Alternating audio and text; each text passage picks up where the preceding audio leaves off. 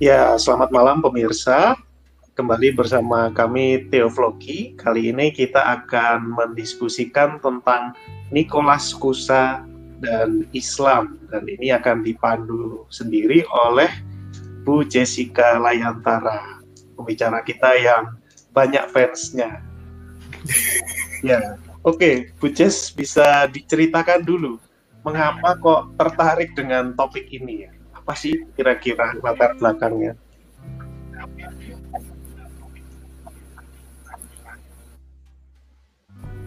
Oke, okay, uh, eh, mungkin nanti kalau udah saya jelasin, makanya saya akan sambil ini ya, eh, Bung Deed kasih tahu kenapa ini menarik gitu. Oh iya Mungkin iya. nanti para penonton juga akan tahu ya kenapa kok saya tertarik dengan topik ini. Oke. Okay. screen ya. itu ya, Bung ya, boleh ya? Ya, kalau gitu boleh PPT. dijelaskan langsung sekalian.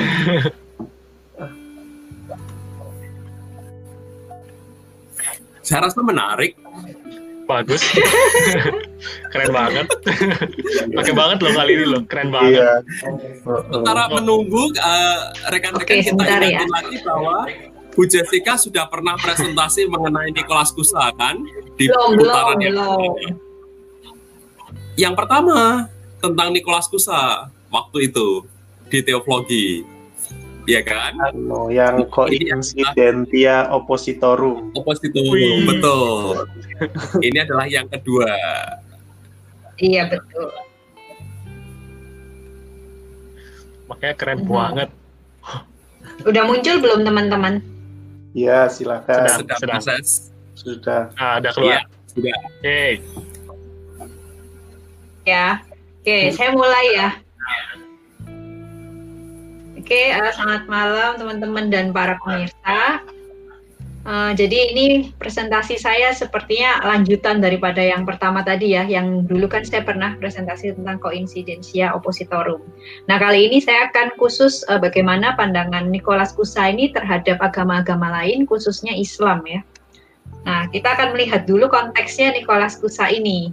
Dulu sudah pernah saya jelaskan, tapi sekarang mungkin saya jelaskan sedikit lagi ya untuk mengingatkan. Jadi Nicholas Lusa ini adalah seorang pecinta damai kalau menurut uh, pendapat saya begitu ya. Di dalam kehidupannya itu ada dua kali dia terlibat di dalam konflik. Yang pertama adalah di tahun 1431 dia itu terlibat dalam konflik konsiliarisme versus papalisme ya. Kalau dulu pernah saya jelaskan bahwa awalnya Kusa ini mendukung konsiliarisme dengan diri yang judulnya De Concordantia Catholica, di mana dalam buku itu dia mengkritik kekuasaan paus. Karena satu dia melihat tuh papalisme tuh udah terlalu otoriter banget gitu. Jadi dia menulis buku ini untuk mengkritik kekuasaan paus dan mengembalikan keharmonisan ilahi dalam gereja. Tetapi uh, akhir-akhirnya justru si Kusa ini kembali untuk mendukung papalisme karena dia melihat pada saat itu papalisme sudah mulai apa ya mengendor nggak seperti yang dulu lagi terlalu otoriter seperti itu.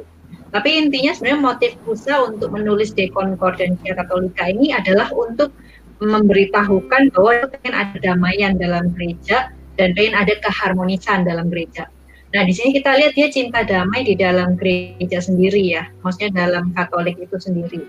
Tetapi konflik yang kedua, hmm, itu adalah konflik Ottoman Turki versus Kristen Eropa yang ditandai oleh jatuhnya Konstantinopel pada tahun 1453. Kalau tadi Nicholas Kutsa merespon konflik internal ya, ini dia merespon konflik eksternal.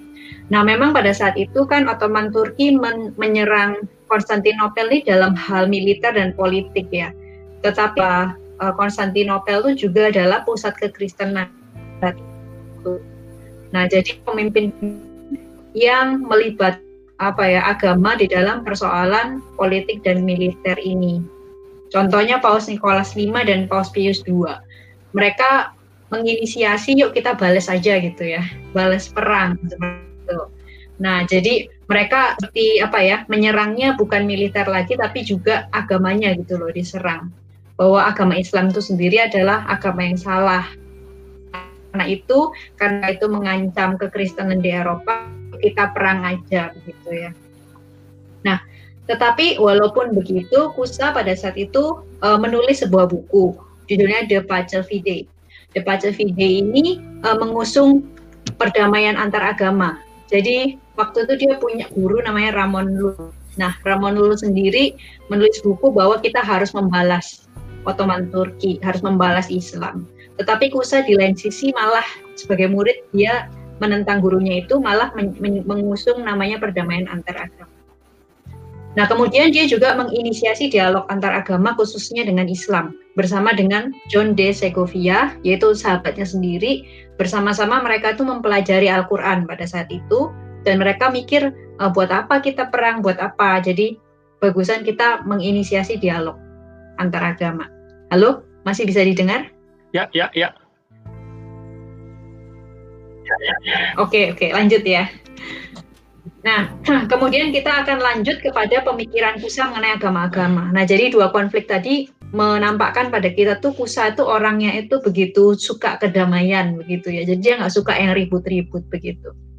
Nah, sekarang pemikiran Kusa mengenai agama-agama itu saya khususnya akan membahas dalam dua bukunya ya, yaitu The Fide dan Kribrasio Al-Qurani. Uh, kita akan bahas dulu yang buku The Fide. Jadi Kusa itu menulis buku ini pada tahun 1453, yaitu ya udah berarti pas banget kejatuhan konsep tadi begitu ya. Nah, di buku ini diceritakan ada 17 orang dari berbagai suku dan agama mengadakan dialog dengan Sang Logos, Petrus, dan Paulus. Nah, jadi 17 orang itu kayak perwakilan dari bumi ya, dari berbagai agama, berbagai suku. Nah, mereka tuh membicarakan mengenai bagaimana uh, pandangan mereka masing-masing mengenai agama mereka sendiri. Tetapi pada akhirnya Kusa ini menuntun pemikiran-pemikiran itu bahwa sebenarnya kita itu bisa ketemu di dalam doktrin Trinitas. Nah, tuh, kemudian uh, tesisnya juga Tuhan yang sama itu mengirimkan berbagai nabi dalam agama-agama untuk menuntun umat kepada Sang Baik Absolut. Jadi semua agama itu sebenarnya satu menurut dia. Tetapi yang berbeda, yang bervariasi adalah ritualnya. Nah, tetapi uh, sekalipun demikian, Kusa dalam The Vide itu tetap menonjolkan keunggulan Kristen. Di sini yang ditonjolkan oleh Kusa yaitu doktrin Trinitas ya. Nah, jadi Trinitas itu dia mengusungnya sebagai unitas, ekualitas, dan koneksio, yaitu kesatuan, kesederajatan, dan relasi. Jadi menurut Kusa itu nggak ada agama satupun dari 17 orang itu yang bertentangan dengan konsep ini. Jadi di, uh, bisa dikatakan konsep ini itu adalah konsep ultimat gitu ya. Yang semua agama itu pasti uh, menerima hal itu. Dalam agama hmm. Islam sendiri, Allah akan memiliki roh, nafas, dan firman. Menurutku, walaupun Islam sendiri kelihatannya nolak ya doktrin Trinitas, tapi sebenarnya ajaran ini tidak bertentangan dengan prinsip Trinitas. Jadi sekalipun uh, apa ya mereka semua itu nggak percaya Allah Trinitas, tapi mereka juga nggak menolak gitu ajaran atau prinsip dari Trinitas tersebut. Nah, Morimichi Watanabe ini juga seorang ahli kusa ya. Dia memuji bahwa Deva Pacavide itu very peaceful and harmonious. Jadi kusa itu di sini menunjukkan sikap yang benar-benar pengen mencari sebuah common ground ya yang uh, dia temukan di dalam doktrin Trinitas kepada semua agama-agama di dunia itu yang 17 tadi. Nah, ini yang makin seru ya, yaitu buku hmm. kedua, Kribrasio Al-Qurani tahun 1461 ini ini uh, waktu-waktu terakhir Kusa ya, sebentar lagi dia sudah mati begitu. Nah, Sikap Kusa di sini berbeda dengan di De Fide. Pendekatan Kusa terhadap Islam di buku ini itu jauh jauh lebih kritis. Dia mengkritis Al-Quran, historisitasnya, isinya, Nabi Muhammad, dan pokoknya banyak sekali. Dia mengkritik uh, kri, uh, agama Islam dalam kribrasio Al-Qurani ini. Terus dia bahkan berani mengklaim kalau ada ajaran Islam yang bertentangan dengan doktrin Trinitas, ataupun doktrin Kristus, maka ajaran itu pasti salah. Nah, di sini kan kita bisa menemukan kok sikapnya Kusa jadi berubah ya, berbeda ya. Apa yang terjadi?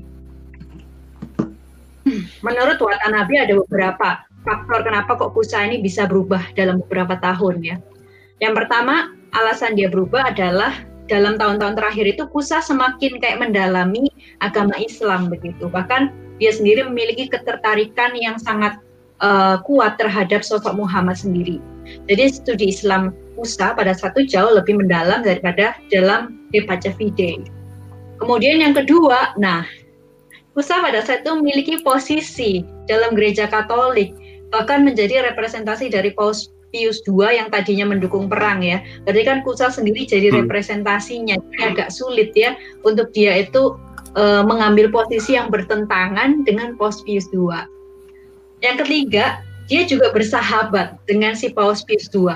Bahkan Paus Pius II inilah yang meminta Kusa untuk menulis buku untuk mengkritik Islam habis-habisan. Akhirnya diwujudkan oleh Kusa dalam buku Kribratio Al-Qur'ani ini. Bahkan di pendahuluannya dikatakan ini buku memang untuk sahabatku Paus Pius yang terhormat. Gitu. Kemudian yang keempat, terjemahan Latin dari Al-Quran pada saat itu yang dipakai adalah terjemahan Robert Ketten katanya itu juga banyak kesalahan gitu ya atau bisa jadi Kusa itu mengkritik Islam padahal terjemahannya yang salah. Nah, itu beberapa alasan menurut Watanabe.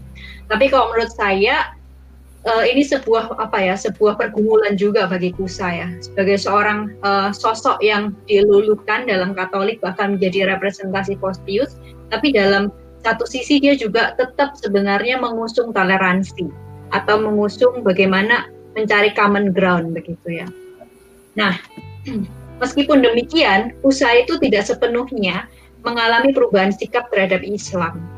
Kita melihat ada kata pia interpretatio, loving interpretation atau uh, interpretasi yang mengasihi ya. Itu muncul empat kali dalam buku ini dan juga Kusa kelihatannya mengabaikan bagian-bagian Al-Quran yang problematis seperti hidup Muhammad, polemik keadaan di surga, ya bidadari dan sebagainya.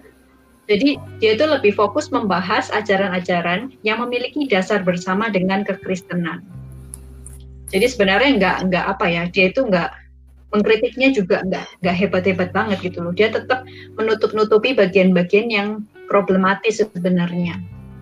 Hmm. Kemudian usaha ini juga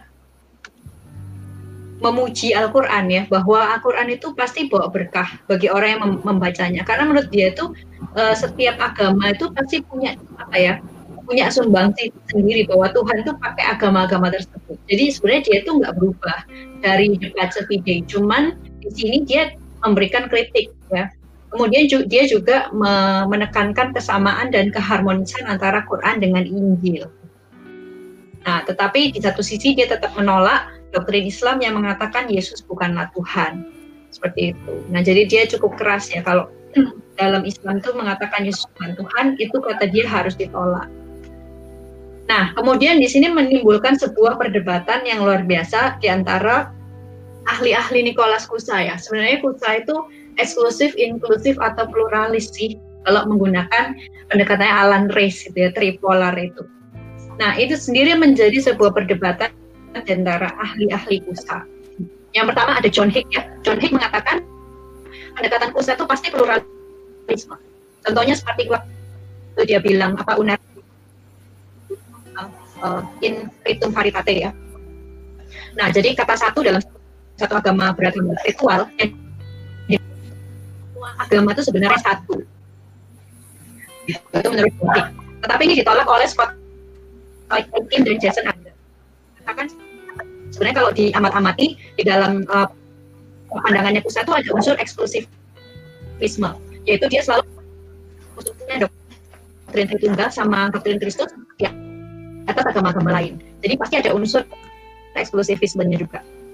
Jadi, jadi apa nih pluralisme atau eksklusifisme? Nah, menurut Roger Hutchinson, posisi yang berada di antara inklusivisme murni dan pluralisme. Jadi dia tidak mengatakan Musa itu inklusivisme murni. Tetap dia itu ada apa ya? Ada sedikit kanan ke pluralisme begitu. Kalau yang paling kiri itu eksklusif sudah lebih daripada inklusivisme murni, tapi kurang dari pluralisme.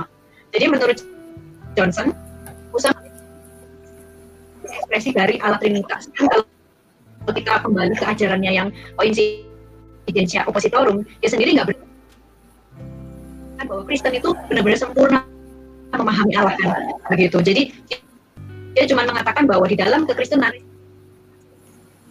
karena memang malah Trinitas sudah disingkapkan dengan lebih baik di dalam agama Kristen Tetapi itu bukan berarti itu uh, tidak memiliki ekspresi itu juga seperti itu. Nah, kemudian menurut Jos Decorte, ya, pendekatan kusa adalah pendekatan konjektura. Konjektura ini adalah antara posisi menduga-duga posisi bahwa yang dipercayai adalah kebenaran absolut. Jadi kembali lagi kepada koinsidensial oppositorum. Jadi ini wall uh, koinsidensial oppositorum tersebut. Jadi meskipun dia yakin benar, tapi dia tuh tetap nggak berani untuk mengatakan Kristen itu adalah kebenaran absolut. Masing-masing orang kebenaran yang sifatnya partikular. Kebenaran kebenaran yang partikular tersebut dibutuhkan untuk semakin mendekati kebenaran absolut. Lebih ekspresif atau ekspresinya lebih baik daripada agama-agama lain. Seperti itu. Nah tentu saja kalau bipolar itu nggak akan oh ini ya sah kalau kita nggak mempelajari juga sebenarnya model keselamatan usaha itu seperti apa inklusivisme lu nah tapi ternyata dia bilang nggak ada keselamatan di luar Kristen sekarang gitu ya itu kan jadinya aneh nah dari konsep keselamatan pusat jadi doktrin keselamatan pusat ini adalah intellectual salvation nah ini mirip seperti teosis seperti enlightenment kalau di agama-agama timur gitu ya. Tapi ini tanpa menghilangkan unsur grace of God di dalam Kristus. Nah, kejatuhan dalam dosa itu kejatuhan intelektual. Jadi orang menjadi ignorant and blind. Kalau kita baca lagi Ya, jadi kalau tadi kan John Hick mengatakan kalau apa namanya pendekatan pusat itu pluralisme ya. Terus Aikin sama Alexander tuh tidak setuju. Mereka lebih setuju itu eksklusivisme karena uh, mengandung juga bahwa Kristen itu di atas agama-agama lain seperti itu kan.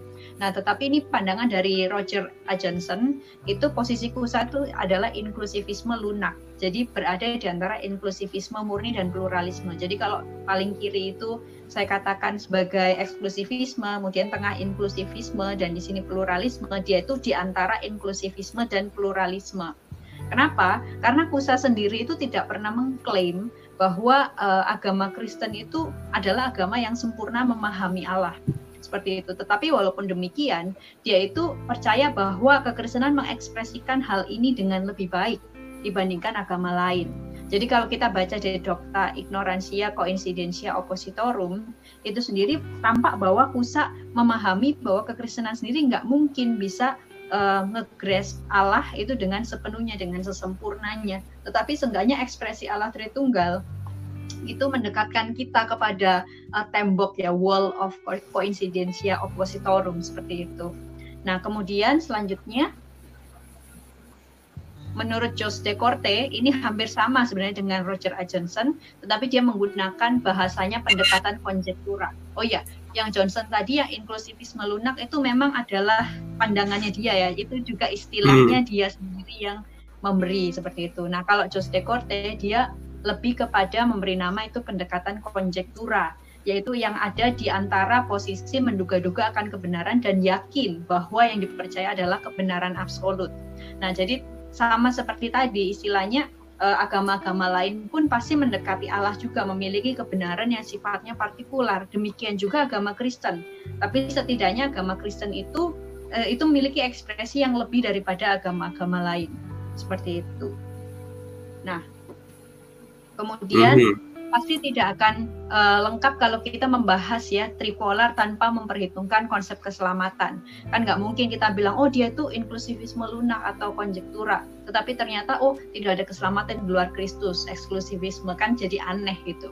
Jadi saya juga uh, memberikan konsep keselamatan dari pusat sendiri. Oke, okay, next. Nah, jadi doktrin keselamatan kusa itu sebenarnya keselamatan adalah keselamatan secara intelektual. Ini mirip dengan teosis atau enlightenment dalam agama-agama timur ya. Nah, tapi tanpa menghilangkan unsur grace of God di dalam Kristus. Jadi menurut kusa itu, yang namanya dosa atau kejatuhan manusia dalam dosa, itu adalah kejatuhan intelektual. Jadi ketika orang berdosa itu berarti dia menjadi menjadi ignorant dan menjadi blind, menjadi nggak peduli lagi. Nah, untuk menjadi selamat, untuk untuk selamat, maka yang harus diselamatkan adalah intelektualnya, seperti itu. Tetapi tetapi dia juga sejalan dengan Nisa, Gregory of Nisa dalam hal universal salvation. Iya, berarti semua orang tuh bisa ya diselamatkan walaupun dia tidak menghilangkan unsur grace of God. Karena uh, konsepnya adalah intellectual salvation enlightenment ya berarti semua orang bisa. Tetapi uniknya dia juga me, apa menerima cosmic cosmic salvation. Dalam arti dia mengatakan kalau cuma intelektual doang tanpa body itu nggak akan lengkap. Dia bilang seperti itu. Jadi dia mempercayai universal and cosmic salvation nah jadi keselamatan diperoleh dari anugerah penerangan hikmat Allah Tritunggal nah uh, banyak yang mengkritik bahwa Pusa tidak memiliki teologi of the cross ya uh, salib itu nggak ada artinya buat dia tapi sebenarnya nggak juga salib itu adalah bagian dari penerangan hikmat Allah untuk menebus intelektual kita. Walaupun posisinya nggak spesial-spesial amat gitu ya dibandingkan semua penyataan Allah yang lain. Tetapi kalau tidak ada salib sebagai apa ya sebagai puncak daripada penyataan dalam Kristus gitu ya itu tetap nggak nggak akan hikmat Allah itu lengkap seperti itu. Oke, nah sampai situ aja. Di situ eh, konsep keselamatan pusat itu jadi meyakinkan kita lagi akan pandangan dari Roger Johnson dan juga uh, siapa tadi Jos de Corte seperti itu ya bahwa USA itu memegang posisi yang seperti itu. Nah kemudian refleksinya apa mungkin nanti teman-teman bisa membantu juga ya karena saya nggak pandai berefleksi. Yang pertama yang pertama adalah oh ini tadi saya udah ganti sebenarnya ya saya ganti pergumulan seorang teolog dengan kekuasaan gitu. Nah, jadi kalau kita melihat kehidupan Kusa ini agak lucu-lucu aneh begitu ya. Karena dia awalnya memiliki posisi yang benar-benar apa ya yang namanya konjektura, benar-benar di konjektura. Tapi kalau di dalam uh, buku yang Kribrasio Al-Qur'an itu dia sangat mengalami pergumulan dengan kekuasaan. Karena dia bersahabat dengan Paus Pius II ya kan? Bahkan yang minta dia untuk uh, menulis buku itu sendiri adalah Paus Pius II begitu kan? Jadi uh, kadang-kadang tuh seorang teolog juga diperhadapkan dengan kekuasaan ya. Dan bagaimana sikap kita itu untuk menghadapi politik di dalam gereja sendiri itu. Dan ini juga berhubungan dengan pihak eksternal masalahnya kan? Istilahnya kita disuruh sama kekuasaan gereja untuk menyerang pihak luar yang pada saat itu adalah Islam. Nah, tetapi kalau di sini Kusa itu pecinta damai ya, jadi dia ambil jalan tengah halus. Kritiknya ada, tetapi kritik yang tetap menutupi kelemahan-kelemahan dari orang yang dikritik ya uh, istilahnya pia interpretasio tadi tapi uh, dia juga apa ya memberikan apresiasi seperti itu kemudian yang kedua adalah sikap dialogis dan non kekerasan menghadapi konflik antar agama jadi walaupun uh, si Kusa ini ada dalam posisi ya kalau mau dibalas perang pun nggak apa-apa toh kan uh, Ottoman Turki udah uh, memerangi mereka duluan gitu. Tapi dia dan temannya yaitu John de Segovia itu menginisiasi adanya dialog. Nah, harus dipahami bahwa pada saat itu tuh sikap yang sangat bertentangan dengan arus utama begitu ya. Dan mereka juga pasti mendapatkan uh, kritikan-kritikan pedas karena Paus dan semua jajarannya bahkan gurunya Kusa sendiri udah setuju mau perang gitu loh. Tapi mereka malah menginisiasi dialog. Ini kan sikap yang menentang arus begitu.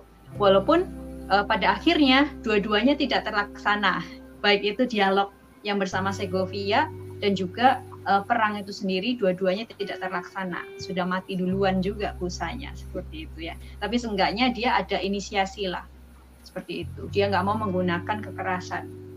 Kemudian yang ketiga itu adalah toleransi bukan basa-basi. Nah, yang saya hmm. maksud toleransi basa-basi itu kadang-kadang kita itu ya khususnya di konteks Indonesia itu sering kali toleransi basa-basi yaitu toleransi yang acuh tak acuh pokoknya kalau emang dia nggak gangguin saya ya udah saya diemin gitu. Tapi kalau uh, kita melihat kusa toleransi itu bukan sikap yang pasif ya. Melainkan dia itu aktif untuk menghilangkan tembok pemisah antara kedua pihak yang tadinya ada tembok pemisah begitu. Dan juga uh, Jose Corte mengatakan bahwa apa yang dilakukan Kusa itu juga uh, merupakan kritik tapi disampaikan dengan jaminan bahwa pihak lain itu bisa menjawab kritik tersebut gitu uh, yang dia inisiasi dengan Segovia tadi ya yaitu yang disebut dengan contraference katanya istilahnya di Korte kayak gitu nah hmm. jadi refleksinya ya apa istilahnya toleransi itu harus bersifat aktif bukan hanya pasif. Nah jadi menurut saya sih apa ya yang saya pelajari dari Kusa itu ya memang dia itu unik ya dan memang kalau dibilang pengecut ya ada juga yang mengatakan seperti itu. Kenapa kok dia kayaknya berubah begitu kekuasaan e, mencoba menggoyang dia goyang juga gitu. Tapi sebenarnya nggak juga, dia tetap pada posisinya, tapi dia juga bisa mengakomodasi kekuasaan tersebut gitu loh. Dan itu sulit memang ya. Mungkin teman-teman ada pengalaman hmm. mengenai hal itu gitu ya. Kalau saya sih nggak ada ya. Tapi ya saya kagum aja dengan Kusa seperti itu. Ya, udah itu aja. Ya, wah terima kasih banyak Bu Jess. Saya belajar banyak ini belum apa nggak pernah nggak pernah membaca tentang ini dan kalau saya pribadi yang langsung terpikir ya waktu uh, mendengar presentasi Bu Jess itu uh, pertama ini sesuatu yang kelihatannya unik sekali ya di zaman itu ya karena kalau saya ingat Kusa itu kan mungkin tadi kan di abad 15 ya. Kalau di abad 16 itu kan kalau yang saya ingat paling enggak ya tokoh-tokoh seperti Martin Luther, bahkan. Thomas Munzer yang uh, suka dipuja-puja kaum progresif begitu, itu juga anti-Islam gitu ya. Uh, dan apa namanya? Jadi saya apa namanya terkesan gitu dengan apa yang Bujes presentasikan. Nah, kalau yang saya kepikir sih sebagai pertanyaan ya, ya mungkin sebelum nanti teman-teman yang lain melanjutkan, kalau dari saya sih yang tadi langsung kepikir itu, yang menarik itu kan kalau ide toleransi antar agamanya Gusa itu kan itu di konteks dua kekaisaran yang waktu itu sedang berperang ya. Jadi ada Turki yang waktu itu juga kuat versus Kristendom begitu, ya kan? Artinya kan proyek toleransi beragamanya Kusa ini apa namanya dihimpit oleh dua kekaisaran begitu. Yeah. Nah, bagaimana kalau kita bandingkan dengan sekarang? Kalau sekarang ini kan banyak juga proyek atau inisiatif toleransi dialog antar agama ya. Tapi sering kali inisiatornya itu kekaisaran justru. ya, Yeah. Seringkali inisiatornya kayak kasaran, misalnya kalau kita lihat proyek-proyek penelitian apa toleransi umat beragama atau perdamaian antar agama itu sering kali kan sponsornya dari itu ya dari ikan-ikan besar begitu. Uh, atau juga bahkan dari pemerintahan. Pemerintahan yang ya yang sering kali menjalankan ekonomi liberal lah katakanlah. Nah di mana kalau uh, menurut Buces. Ya setelah itu saya serahkan ke teman-teman yang lain. iya, menurut saya sih saya setuju ya. Bahkan dulu juga dialog antar agama di Indonesia kan di Orde Baru juga banyak gitu ya. Hmm. Cuman kan emang ada agenda-agendanya gitu kan, ada agenda politik. Kalau sekarang ya ada, tapi kan tersembunyi gitu kan. Dan memang benar ikan-ikan besar itu bukan dari akar rumput tapi dari sponsor-sponsor seperti itu kan. Nah, ini kalau uh, saya renungkan ke kejadiannya Segovia sama Kusa, memang tuh dialognya nggak nggak berhasil dilakukan loh Bung DS sampai terakhir. Walaupun diinisiasinya kan sejak dia nulis di Pacavide kan, sampai dia mati gitu kan, hmm. itu tidak terjadi. Kenapa tidak terjadi? Ya memang karena dihimpit dua kekaisaran. Untung dicatat itu inisiasi kan. Jadi kita tahu, oh ada orang yang menginisiasi seperti ini tapi walaupun tidak terjadi, seenggaknya kita tahu loh dari sejarah ada orang-orang seperti ini. Ya, kalau di zaman hmm. sekarang, bagaimana nih kalau kita menginisiasi hal-hal seperti itu, begitu kan? Contohnya teologi ini sendiri kan tidak disponsori ikan besar begitu ya. Benar nggak mungkin? ya, ada ada app-nya StreamYard. Ya, belum belum dapat aja ini belum, belum dapat kayaknya Fordham University ya gitu. Tapi setidaknya sih bisa belajar, oh ada ya orang yang menginisiasi, walaupun kita lihat inisiasinya tuh akhirnya sia-sia ya, tidak tidak terjadi begitu. Iya. Ya, oke. Okay. Terima kasih banyak, Bu Jess. Mungkin ada iya. teman-teman lain yang mau uh, melanjutkan. Uh, tapi saya boleh melanjutkan apa yang tadi ya menjadi uh, perenungan Bung DS. Saya pikir menarik. Saya jadi ingat apa yang dikatakan oleh Bung DS uh, beberapa waktu yang lalu, yaitu semacam ini kan. Ya kalau bicara mengenai dana mendanai atau ketersediaan funding begitu ya uh, mau nggak mau memang harus harus harus dari dari ini begitu kan? Dari dari ikan-ikan yang besar itu ya yang memang uh, orang-orang neoliberal itu karena akar-akar rumput uh, dan orang-orang yang tiap hari itu sudah hidupnya itu susah aja nggak nggak sempat untuk berefleksi. Refleksi itu sendiri kan sebuah privilege, begitu kan? Sebuah kemewahan yang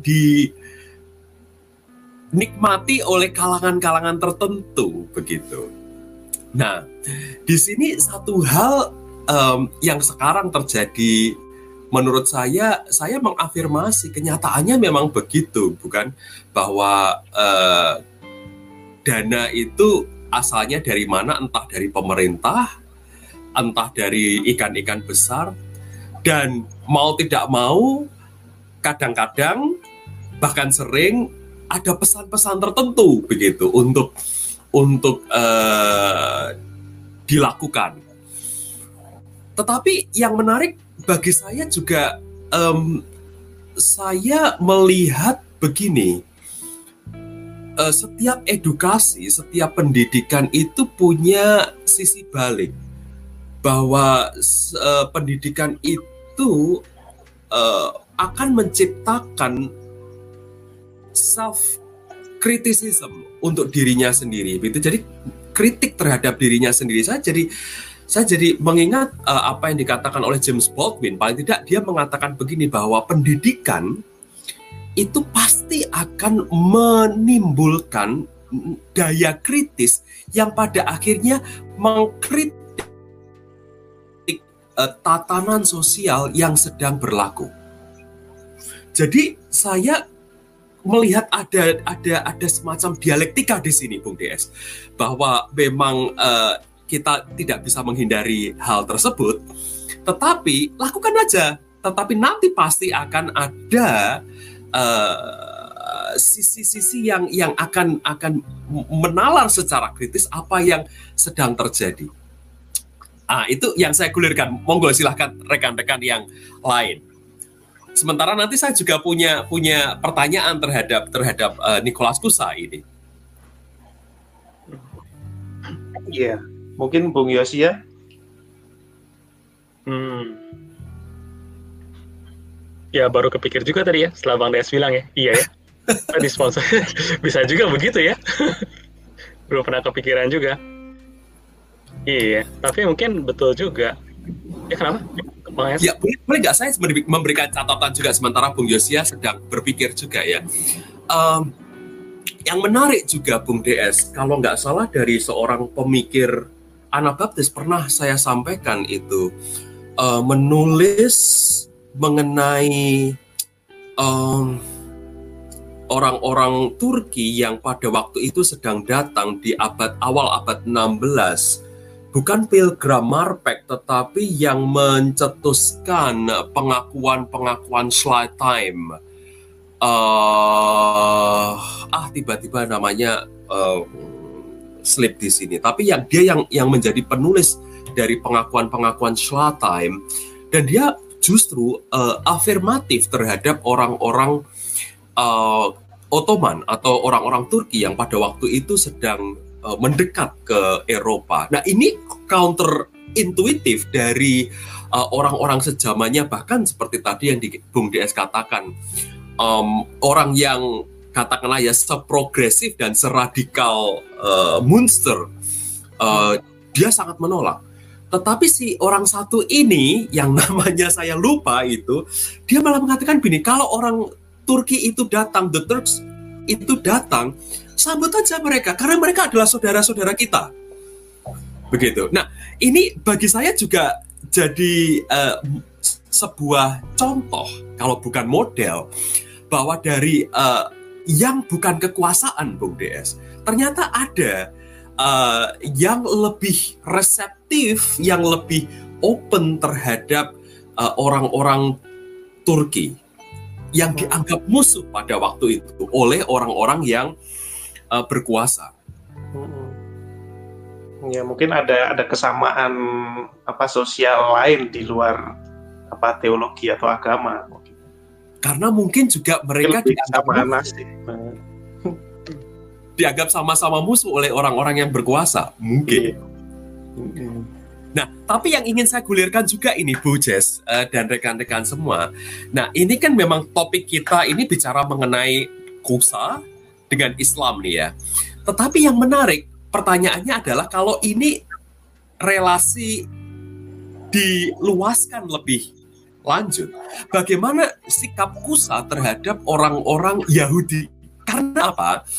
Karena uh, uh, pada waktu itu gereja kan sangat meminggirkan, memarginalkan, bahkan orang-orang Yahudi itu sendiri sudah di, dianggap uh, the other. Saya masih ingat pada waktu uh, di kampus Bung DS itu pernah bercerita kepada saya bahwa dalam sejarahnya orang-orang Yahudi itu memang mengalami aniaya-aniaya dan di abad-abad ke-15 empat ya abad-abad pertengahan orang Yahudi itu kan harus memakai tanda khusus segitiga kalau nggak salah ber, ber um, warna oranye kalau mereka mau keluar ke publik dengan kata lain bahwa mereka ada the other, mereka adalah ancaman, mereka adalah kaum marginal.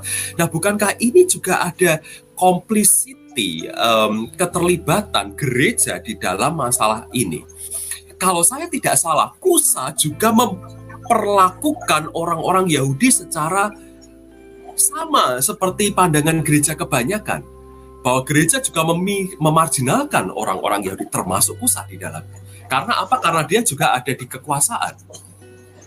Bagaimana ini, rekan-rekan?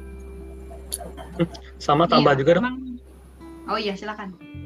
Uh, sebenarnya nyambung juga kalau sama yang Mas Tindio tadi bilang. Sebenarnya tadi waktu uh, Bu Jess presentasi tadi kepikir itu ya bukan cuma masalah Yahudi ya. Misalnya kalau pengaruh agama uh, maksudnya apa yang kusa pikirkan terhadap katakanlah orang India misalnya kebudayaan India itu kan peradaban yang cukup lama tapi juga kayaknya terhubung ya dengan kekristenan timur misalnya. Nah itu hmm. ada nggak ya pandangan, maksudnya secara umum kan? Jadi pandangan agama-agama bukan cuma Yahudi tapi yang India itu gimana sih kepikir gitu juga? Oh sama tadi yang Bang DS bilang hmm. tadi baru kepikir dari sisi teologi publik sih kadang-kadang kan yang dipikirin kalau teolo, seorang teolog publik kan mikirnya mengenai common good ya, telosnya ujungnya yang penting baik begitu. Nah ya walau bisa diperdebatkan juga uh, ujung yang baik ini bagi siapa, tapi mungkin uh, menjamu ke yang Bang Destri katakan ya, apa ada sponsor atau tidak. Mungkin kalau saya nanggepin dari sisi teologi publik, ya udah selama ujungnya baik ya udahlah begitu. mungkin begitu kalian ya kepikirannya. Tapi tiba-tiba keluar pop up gitu. Lanjut, udah kamu Jess. Gitu. Oh, saya ingat Michael Sattler namanya yang uh, perumus uh, konfesi-konfesi Schlatime tadi oh, iya. Michael Slater, uh, Slater, Sattler, hmm. maaf. Bu Jess, silahkan Bu Jess. Ya, oke. Okay. Uh, eh, kalau mengenai Yahudi ini memang, hmm, ya ada ada sikap uh, Nicholas yang eh sik, sikap Nicholas yang sedikit dingin ya terhadap orang Yahudi ya. Memang benar ya kata Bung NS bahwa Yahudi ini. Tapi kalau kita lihat di buku The Pacavide itu 17 orang yang dikumpulkan di surga ya bersama dengan si Peter, si Paulus dan bersama Logos sendiri itu salah satunya adalah orang Yahudi. Begitu. Jadi kalau misalkan dia sama sekali mengekskludkan, dia pasti nggak ada di situ walaupun sikapnya di situ tuh cukup dingin di mana dia mengatakan bahwa karena orang Yahudi itu sama sekali nggak nggak pernah me, apa ya menghargai Kristus saya seperti itu loh. Jadi jadi menurut dia itu uh, Yahudi ini gimana ya belum cukup meng, mengekspresikan gitu loh Allah Tritunggal khususnya Kristus di sini ya. Nah, tetapi dia sendiri memberikan apresiasi kepada orang Yahudi bahwa orang Yahudi ini uh, menonjolkan teologi mistis ya, ya uh, di mana kita atau teologi negatif di mana kita juga udah belajar waktu presentasi yang pertama dia itu kan sangat-sangat mengagumi ya teologi mistis atau teologi negatif di mana orang Yahudi itu berdoa kepada Allah yang tidak dalam tanda kutip mereka kenal atau Allah yang tidak terbatas seperti itu. Nah, jadi dalam sisi itunya uh, Nikolas Kusa memberikan apresiasi begitu. Tetapi kalau di dalam bagian Kristus, nah memang dia dingin sikapnya terhadap orang Yahudi. Itu betul. Nah, kalau mau lebih mendalam lagi itu ada tulisannya Thomas Is Thomas sorry saya takut lupa namanya. Siapa sih? Isbiski ya, Thomas Isbiski, Nicholas Kusa and Jews. Begitu. Nah, tapi memang saya nggak mendalami secara khusus. Yang saya tahu itu. Nah, kemudian kalau yang pertanyaan Yosia itu Bagaimana dengan agama-agama lain ya begitu ya, Bung Yus? Ya, yang kira-kira oke itu kan ada India ya, yang saya rasa yang paling dekat kan, dan ada hubungan juga rasanya. Ya, Karena, ini ini saya bacakan aja ya 17 suku yang menjadi apa namanya dikumpulkan di surga ya di buku De Paca Fide ya. Kira-kira dialognya sama siapa aja begitu. Itu ada Yunani, orang Yunani, orang Italia, orang Arab, orang India, orang Chaldean, orang Yahudi, Singkian, orang Prancis, orang Persia, orang Syria, Turki, Jerman, Tartar, Armenian, Bohemian, Inggris. Nah, salah satunya tadi ada India ya. Nah, hmm. jadi sebenarnya dia itu juga bercakap-cakap, ada dialog juga dengan orang India di situ. Pokoknya intinya dari ke-17 ini dia itu pengen mengafirmasi bahwa 17-17 ini tidak ada satupun yang bertentangan dengan prinsip unitas, ekualitas, sama koneksio kayak gitu. Walaupun mereka tuh nggak apa nggak nerima tritunggal. Nah ingat lagi bahwa kusa ini kan intellectual salvation. Nah jadi beda banget konsepnya itu.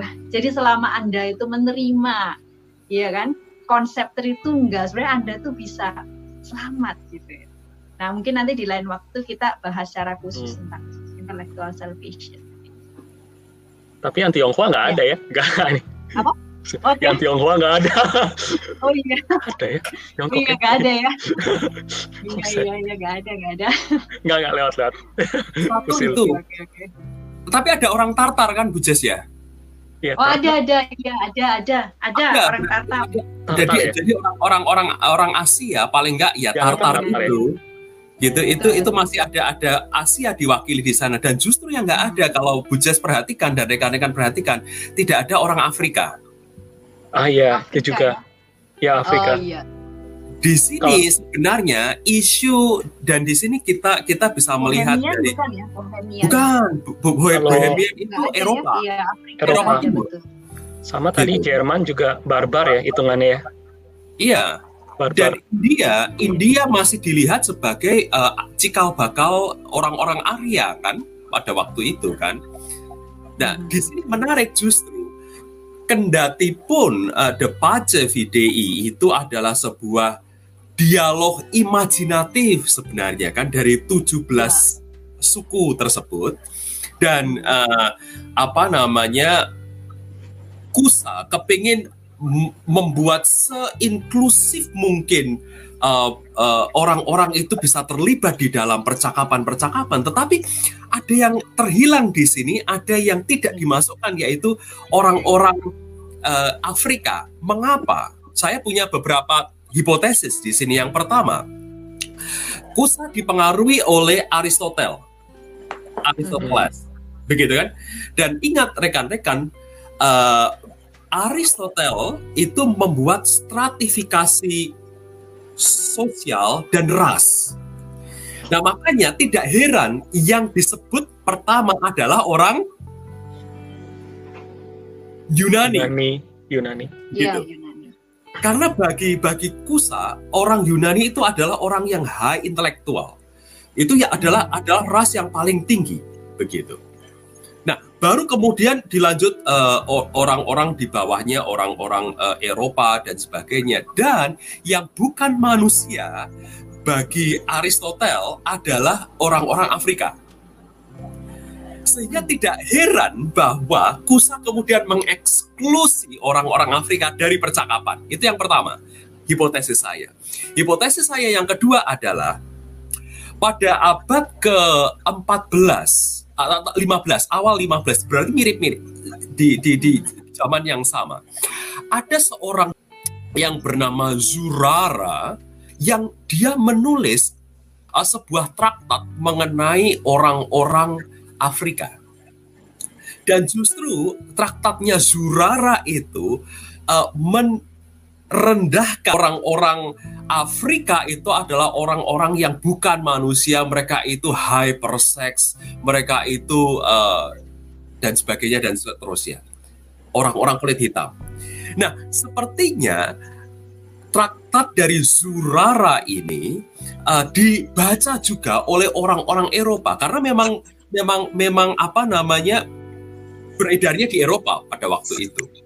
Nah, saya tidak tahu apakah Nicholas Kusa itu sempat membaca atau tidak, tetapi mungkin dari percakapan dan dari um, uh, apa yang ia simak, uh, dia paling tidak tahu kesan uh, terhadap orang-orang Afrika dan dengan demikian dia kemudian melihat orang-orang Afrika itu secara negatif. Hmm. Oh, tapi itu Afrikanya itu kan kalau misalnya kita lihat kekristenan timur kan ada yang bagian Afrika Utara juga dalam kekristenan timur kan, betul ya? Iya, dan Masa kayak aku... Alexandria, Mesir. No, no, itu tetap tetap pada waktu itu belum ter, tergalu, tergolong uh, Afrika juga, Bu. Berarti yang jadi, di bawahnya itu berarti maksudnya? Betul, betul. Jadi jadi uh, daerah Alexandria, kemudian daerah-daerah uh, itu masih dianggap sebagai bagian Kartago misalnya, itu masih dianggap sebagai bagian dari Roma. Afrika Utara itu ya sebagai bagian dari uh, kekaisaran Roma. Karena itu kulit mereka kan beda. terang, kulit kulit mereka juga lebih terang sebenarnya. Iya iya, betul tuh. Soalnya ini baru aku cari gurunya Kusa Ramon Lul ya. Dia cuman pernah ke North Afrika. South Afrika nggak pernah. Dan memang nggak ada tuh satupun sumber yang membicarakan Kusa dengan Afrika Selatan ya. Bisa jadi, Bung, karena pada saat itu konteksnya seperti itu ya. Cuman kalau ya. menurut saya tuh uh, ya namanya sejarah kan berkembang ya tapi kalau untuk saat maksudnya di zaman Kusa itu apa yang Kusa lakukan mungkin udah oke okay ya udah udah udah luar biasa gitu ya tapi mungkin kalau sekarang kita lihat dia itu kalau sekarang kita lihat ya jujur aja saya baca Kusa tuh saya lihat ih orang ini pengecut banget sih kayak apa maksudnya ini ya kan? Apalagi Afrika nggak masuk begitu kan? Cuman mungkin kita mesti lihat dari apa zaman dia juga gitu. Kalau di zaman dia itu tuh udah oke okay banget udah berani banget gitu kan. Tapi ya mungkin dialektika kembali kan waktu itu tesis antitesis dan sintesis sekarang bisa lebih baik lagi ya. Kita seperti itu. Thank you Bung Nindyo.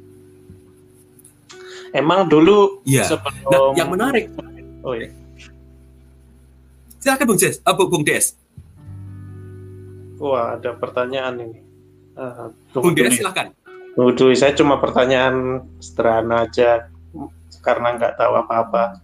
Nah, itu waktu sebelum dia jadi sahabatnya Paus itu waktu dia masih menginisiasi atau memimpikan dialog antar agama itu posisinya waktu itu apa sih gitu.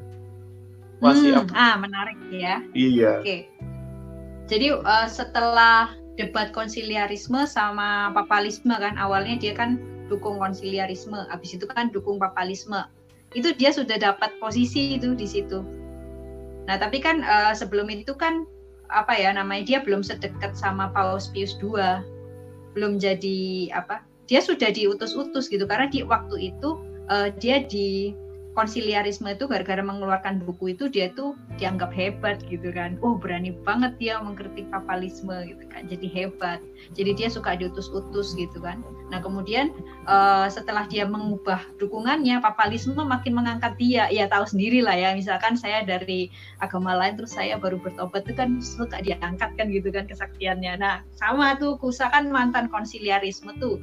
Ya kan. Jadi dia diangkat-angkat juga begitu. Dia juga udah punya posisi ya kan Uh, hmm. Kemudian, tapi belum belum sedekat itu dengan Paus Pius II. Gitu. Nah, setelah dia dekat banget bersahabat dengan Paus Pius II, kemudian Paus Pius II itu menyuruh dia nulis buku. Nah, itu Kribratio Al-Qur'an itu tercipta. Begitu. Jadi sebelum itu De Pace Fide itu dia masih agak walaupun udah punya posisi tapi masih agak agak belum belum belum terlalu dipengaruhi oleh sahabatnya ini gitu. gitu. Hmm. paus gitu loh ya kan kalau kita ya. bersahabat dengan paus kan terus kita disuruh ya kan kalau nggak mau gimana ya kira-kira gitu kan bisa hmm. juga jadi posisi menentukan prestasi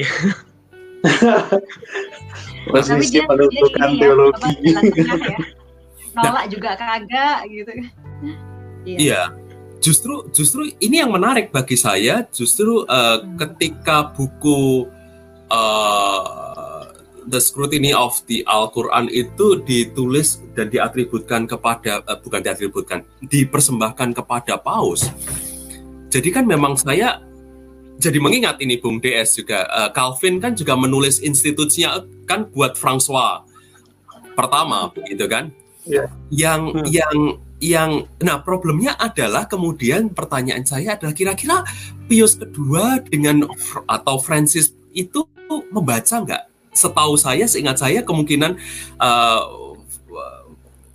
François itu tidak membaca tulisannya uh, uh, Calvin karena tidak ada catatan kan Uh, tetapi bagaimana dengan Paus Pius begitu? Apakah ini memang pesanan Paus Pius atau ini memang bukunya uh, Kusa yang dipersembahkan kepada Paus Pius? Tetapi yang menarik bagi saya adalah kira-kira di di uh, buku yang uh, terkemudian dari uh, Kusa Kribat Kribrat Kribratio Al-Qurani itu ada nggak justru semacam subversi begitu? Ya itu ini, ini memang memang ke, tidak harus dijawab sekarang tetapi pertanyaan yang yang yang bagi saya seperti tadi ya. Pendidikan itu kan punya flip side punya punya sisi balik.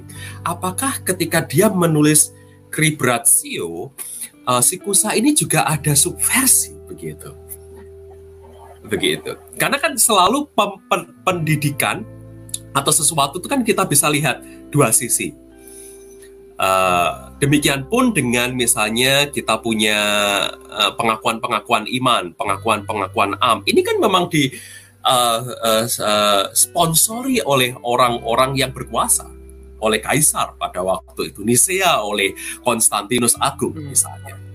Tetapi ketika kita bisa membaca kembali Nisea, merevisit Nisea, ternyata Nisea bisa dibaca sebagai sebuah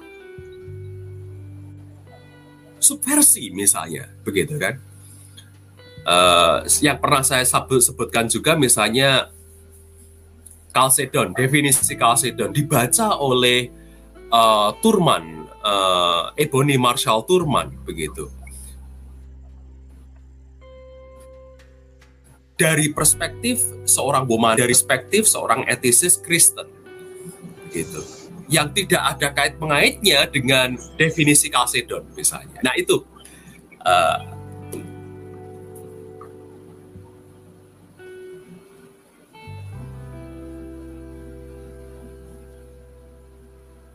Oh, ini buat Bucis kan?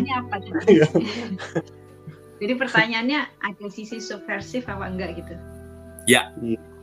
Jangan-jangan. Karena karena mungkin poinnya mungkin ini kali karena dilihat bahwa dokumen yang tadi yang terakhir itu ya kusa itu hmm. ditujukannya kepada penguasa. Nah jangan-jangan kalau memang itu dibaca sebagai dokumen publik, memang kesannya seperti yang Bu Jess tadi bilang bahwa dia berubah pandangan ya. Tapi kalau dilihatnya hmm. sebagai ini secara khusus untuk uh, dokumen untuk kaisar, jangan-jangan justru itu memang dokumen yang subversif sebenarnya begitu.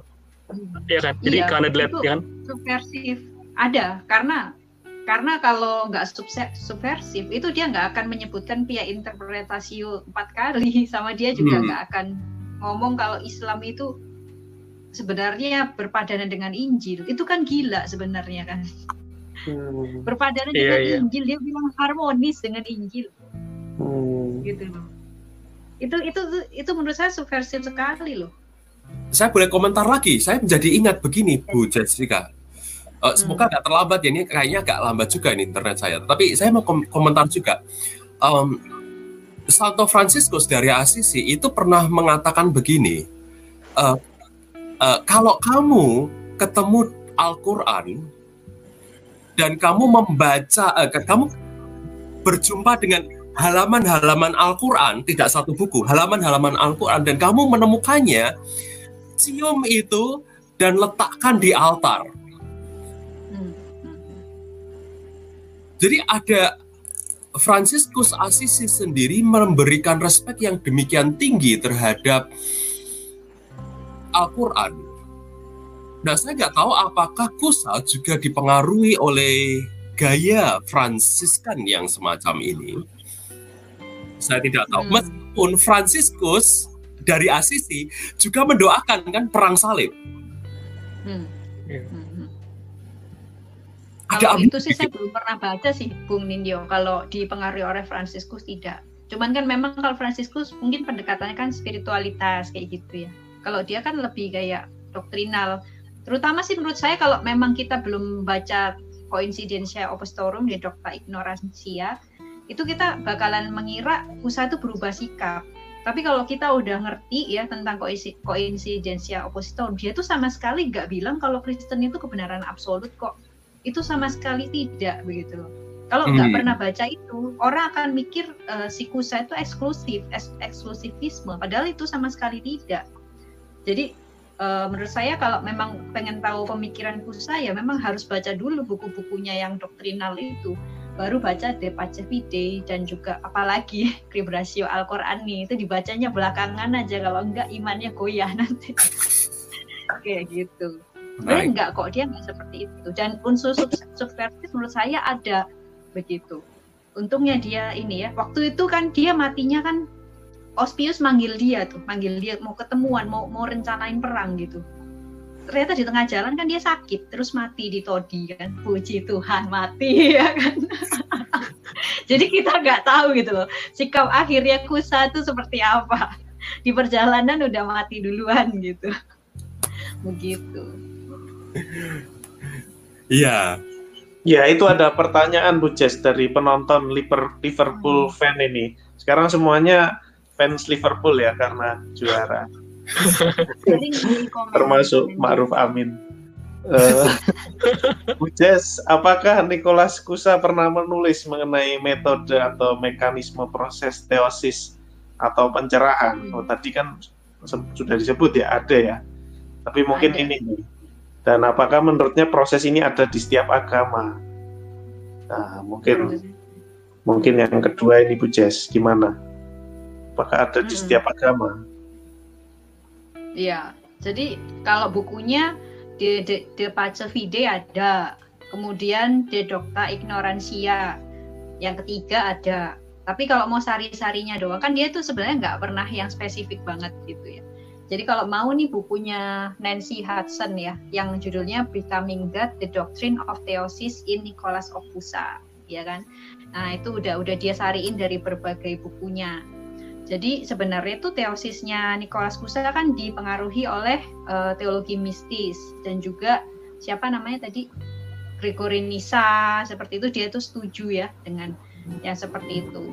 Kemudian dan apakah menurutnya proses ini ada di setiap agama? Ada harusnya. Karena kan teosis buat dia itu lebih ke enlightenment. Jadi intellectual salvation begitu. Ada ada nggak keselamatan universal salvation? Ada, tapi sebenarnya ekspresinya paling tinggi ya di kekristenan karena Allah Tritunggal di situ di kekristenan sudah sangat digambrengkan apa ya di apa di nyata gitu kan. Gitu kalau di agama lain kan masih kita harus apa namanya menggali-gali dulu baru ketemu prinsip itu. Gitu. itu sih yang saya tangkap. Saya mau tease out Bung Yosia ini kayaknya intellectual salvation itu paling cocok buat beliau ini. Iyo, tadi saya mau ngomong, wah ini hebat sekali, cocok buat saya. Pas, gitu. ya Cuma itu sebenarnya enlighten- dikritik ya dikritik banyak loh gara-gara dia itu sebenarnya demi menyatukan Islam Kristen dan semua agama lain itu dia dituduh eh, melakukan reduksi ya terhadap doktrin Kristen. Lihat aja pernah nggak dia membahas teologi salib? Ya inkarnasi Hmm. gitu kan kayaknya nggak terlalu penting ya buat dia gitu. Maksudnya bukan nggak terlalu penting tapi itu bagian dari eh, hikmat Allah secara keseluruhan kan gitu. Tapi tidak ada yang namanya kalau kita kan benar-benar apa ya salib ya kan? Itu menyelamatkan. Kalau dia tuh itu bagian. Gitu. Oh itu satu sisi- tapi satu sisi yang lain bukannya dia kayak visioner ya? Kalau lihat perkembangan teologi agama yang sekarang kan malah bukan cuma teologi salib udah ke Trinitarian kan sebenarnya. Hmm iya, Iya, tapi jadi- kalau fokus khususnya tuh gak, gak, gak pernah Iya. fokus so bagi saya dia visioner ya. Hebat ya. Bisa Visioner. kepikir itu yo. Bukan ya di zaman itu udah oke lah. Dia kan zamannya Iya. tuh uh, akhir abad pertengahan terus mau masuk abad baru kan. Itu Iya. Dan yang penting kita selamat karena intelektualitas. Iya. Cuman menarik ya kalau teman-teman ada di posisi kusa bagaimana? Kalau misalkan Anda dibayarin oleh institusi besar misalkan untuk menyampaikan pesan sponsor begitu kan? Bagaimana Anda? Wah Mau itu? Wah ini menarik nih. ini pertanyaan yang menarik dan belum tahu Iya. jawabannya saya. Tapi Iya, memang Kalau pertanyaan saya dinegosiasikan dengan harga termahal.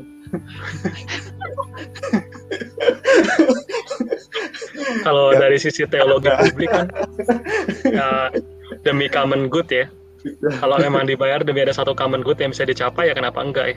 Cuman memang nggak bisa membayangkan kalau situasinya benar-benar nyata begitu ya. Maksudnya secara Mungkin secara- kusa waktu hidup mirip-mirip Anda, Yos. iyo. Jadi mungkin pertanyaannya harus ditanyakan ketika memang aku udah mengalami sendiri gitu. itu menarik ya. Wah ini kayaknya bakal beda nih jawabannya. Gimana ya? apalagi apalagi Gusa juga seorang yang suka matematika kan. Iyo. Iya, iya. Iyo. Iya. Itu tertarik Wah, juga Anda tuh. banget ya. Iya, satu sisi kan demi common good ya, secara teori begitu. Tapi kan secara Kan kan nanti damai. gimana ya? Ya, oke lah, baiklah. Gitu. Puji Tuhan. Oke, keren, Oke. bagus. Tapi apa adakah common good itu? Kenapa? Apa? Adakah common good itu? Common Iya. good, ya. Makanya Bisa, common ya. good-nya tergantung siapa yang mendefinisikan kan. Jadinya itu masalahnya sih. Itu itu problematik. Betul. Dan saya sendiri sampai sekarang masih memikirkan tuh ya. Iya. Gimana ya itu ya? Jadi pergumulan besar juga kan. Karena teologi publik kan common good, tapi common good-nya berdasarkan versi siapa? Wah, itu Hmm. Nah mungkin itu ya nanti bakal jadi isu besar ya kalau nyambung ke pertanyaan yang Bu Jess tadi ya. Iya gimana ya? Hmm. Kayak ini waduh rumit kalau udah dihadapin ya. Iya, wah menarik. Oke, kita udah satu jam ini. Gimana? Mau masih mau dilanjutkan atau? Menarik ini. Jadi sa- sa- satu satu hal yang lagi yang memang saya ingin ingin lihat eh, balik kepada keselamatan tadi kan ya. Em, nah, bahwa keselamatan dia karena itu dia mencoba se-inklusif mungkin, embracing lah kalau en- inklusif mungkin sudah terlalu loaded, eh, embracing. Dia ingin mengembrace banyak sisi, banyak agama di sana. Dan keselamatan bagi Kusa adalah intellectual salvation. Eh, eh, ya, pertanyaannya memang kemudian eh, trinitasnya model trinitarian Kusa itu kayak apa ya berarti ya? Dan dari situ kan kita akan melihat kemudian posisi kristologinya itu kayak apa? Iya sama satu lagi sih Apa itu? bisa nyambung nggak di sini? Masalah keselamatan intelektual ya. Kalau yang disable gimana ya? Iya. Saya menunggu Wah. pertanyaan itu dari Anda, makanya saya nggak nggak nggak nggak munculkan. Makasih ya udah membuat saya bertanya. Tiba-tiba tercelik. Iya itu gimana ya? Tuh juga. Apa tadi konsep intelektualnya It- Kusa It- itu ya? itu, itu ada yang komentar juga itu dari Ri- Liverpool fan itu. But the intellect itu dulu artinya apa sama ya seperti sekarang dulu lebih dekat ke batin atau akal budi bukan begitu? Iya, begitu betul. Kayaknya ya benar itu. Lebih eh, kalau konsep intelektual menurut si siapa namanya Kusa, iya batin atau akal budi. Jadi dia kan eh, pokoknya keselamatan itu adalah ketika kita itu mengetahui bahwa kita tidak tahu ya. Dedocta ignorantia learn ignorance. Mengetahui bahwa Tuhan itu sama sekali tidak bisa kita grasp dengan intelektual kita justru gitu kan. Dan kita sudah eh, ketika kita menyadari itu kita sudah ada di balik dinding uh, koinsidensia oppositorum dan dinding itu sama sekali nggak bisa kita tembus dengan pengetahuan manusia kita. Jadi sebenarnya pengetahuan tertinggi adalah ketika kita tidak tahu ya, mengetahui bahwa kita tidak tahu apa-apa tentang Allah gitu, tetapi kita meyakini bahwa Allah juga tercermin dalam Allah Tritunggal yaitu yang paling tinggi udah sampai situ gitu. Mau apa lagi sudah tidak bisa lagi. Begitu. Karena kalau di bukunya yang learn ignorance itu gitu ya gitu jadi intelektual itu bukan oh semakin pintar anda semakin mudah selamat gitu enggak enggak seperti itu hmm. prinsip akal uh, intelektualnya jadi ya itu batiniah bisa dikatakan batiniah enggak ya saya enggak tahu ya hmm. cuman itu sih ya ini mungkin masih dalam konteks skolastisisme betul ya betul nggak hmm, betul betul hmm. iya iya ya nggak dilepaskan dari iman juga ya. tapi betul hmm. uh, bahwa intelek itu tidak bisa dipahami uh, dalam kacamata post enlightenment iya. zaman setelah pencerahan begitu kan iya. ketika manusia menjadi seorang observer yang detached observer yang terpisah dari apa yang diobserv Uh, iya. pada zaman itu seseorang mengetahui itu karena dia sudah terlibat atau dia sudah berpartisipasi di dalam apa yang dia ketahui itu begitu. Dan dalam hal ini ketika bicara mengenai teologi, ya ingat teman-teman bahwa uh, in, um, kalau nggak salah ingat saya, Nicholas Kusa itu mengkategorikan uh, teologi itu ke dalam intelektus dan itu adalah cara berpikir yang yang paling tinggi dan intelektus itu tidak mungkin terpisah dari partisipasi dengan apa yang ia ketahui dan dalam hal ini adalah Allah. Begitu. Iya. Itu skolastik campur teologi mistik itulah definisinya dia. Campuran skolastik dan teologi mistik. Gitu sih menarik menarik menarik Wih. Ya, mungkin nanti Wah. next next apa next ini saya apa penelitian saya bisa ke ininya konsep intellectual salvationnya ku saya itu Wih. menarik soalnya ditunggu ya nanti bisa ikut saya ikut biasa tapi mungkin penonton sudah bosan ya, saya bahasnya kusa melulu. Enggak, keren justru. Keren, keren. Iya. Saya justru mengafirmasi keren sekali. Waktu tadi saya lihat presentasinya juga banyak yang saya nggak tahu banget. Wih, keren tuh. Iya. Ternyata saya nggak iya, pernah nggak pernah tahu itu. iya. Iya. Keren. Keren. Soalnya Nikola Saputra soalnya.